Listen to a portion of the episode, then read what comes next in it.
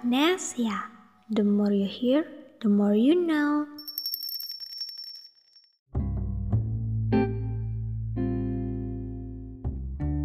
Selamat malam. Terima kasih sudah tidak enggan mendengarkan kembali suara saya. Ya, seperti malam-malam Kamis puitis yang lalu, saya masih gemar membawakan rangkaian kata-kata. Dan kali ini saya tujukan pada seseorang yang mungkin tak mendengar suara saya. Tuan, jika kamu mendengarkan ini, percayalah ini untukmu.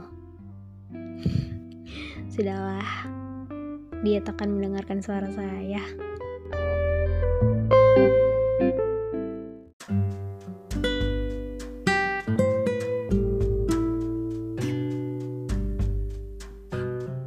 Lepas Di bawah ramainya daun kecoklatan yang melayang dan jatuh perlahan menyentuh tanah, aku menyaksikan senyuman paling mematikan jauh di seberang sana. Dia sedang diguyung kebahagiaan. Bulan Februari tahun itu berjajar potret diri yang berdiri tegap bersama seragam rapi dan wangi. Terkadang satu persatu dari dedaunan yang melayang itu menghalangi pandangan. Menari-nari menghidupkan dunia baru di sisi. Jaraknya tidak jauh tapi jatuhnya berjauhan. Dihantam oleh realita yang malah membuat kepala mumet dan pangling rasanya. Berusaha mengundang sukma yang rindu disapa malah melipir perlahan. Katanya tak tahan. Mengundang ego untuk menghasut, malah kacir tak tentu arah. Kupanggil kasih agar mampu mengikhlaskan, malah aku ditampar kuat-kuat. Jam dinding menunggu kepastian. Ya, untuk pulang. Menunggu aku dan segenggam rasa yang bersisa. Ya, untuk pulang. Terkadang aku menimbang, menjauh saja atau aku pastikan saja ya. Aku haus dan memilih menelan rasa yang bersisa itu. Walau sakit di tenggorokan, mau bagaimana lagi? Itu kalimat-kalimat saya, Tuan, yang gila mengarungi kata-kata. Jika kamu dengar ini, saya pastikan kamu sedang bergedik ngeri atau senyum-senyum sendiri. Selain itu, ada sebuah sajak. Ini sajakmu.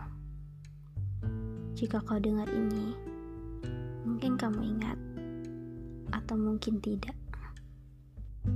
Aku sudah patah jangan lagi kau perparah.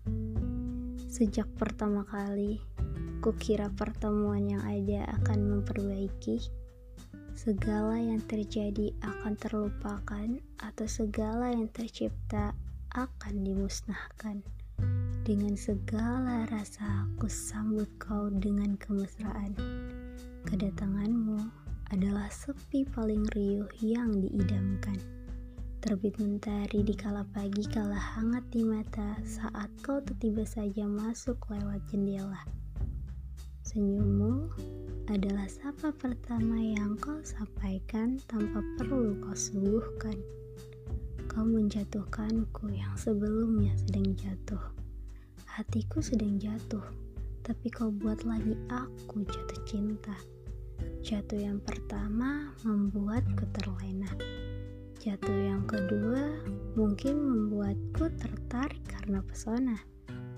Kau main datang saja, dan kau datang dengan hebat. Pintuku tak diketuk, tapi ragaku merasa terketuk. Pintuku tak sembarang terbuka. Kau takkan melihat kunci yang ada, sebab sebelumnya pernah dihilangkan oleh pemiliknya. Ragu-ragu untuk masuk. Kau memang sudah masuk. Toh, kau kan bisa membuat kunci dari dalam? Atau kau memang suka bermain di rumah orang? Aku tidak tahu menau masalah itu. Yang aku tahu, kau sudah masuk. Tolong jangan pergi dengan senang hati, atau rumah ini akan menjadi tempat tinggal orang mati atau peti. Hatiku adalah rumah, bukan taman bermain. Kalau kau coba itu, kau bisa coba dengan yang lain. Aku sudah memberi isyarat dan aku tak pernah membuatmu terperanjat atau lebih parahnya terjerat. Karena aku tak memiliki umpan agar bisa kau makan. Aku hanya memiliki perasaan untuk kau simpan. Kau sudah masuk, aku sudah ceritakan. Aku sudah patah, jangan kau tambah parah. Kau kira mungkin aku tak bisa marah, nyatanya kau seharusnya aku perintah segera berpindah. Aku tak butuh janjimu yang indah, apalagi senyumanmu yang merekah. Aku hanya butuh diyakinkan bahwa kau belum pergi saat aku datang sebuah sajak yang saya terima pada tahun itu. Di bulan November juga, saya masih menjaga dan menyimpannya dengan apik. Masih teringat dengan baik setiap rasa dan dentuman detak jantung di dada. Saya sudah bilang, hari ini berbeda tuan. Mengapa? Karena ini bulan November ini bulanmu. Ini cara saya merayakannya. Diam-diam. Walau ini terang-terangan. Selamat bertambah usia, Tuan. Walau masih sembilan hari lagi, tidak masalah. Semoga kebahagiaan selalu menyelimutimu. Tertanda dari saya untuk dia yang kupanggil Tuan Senja.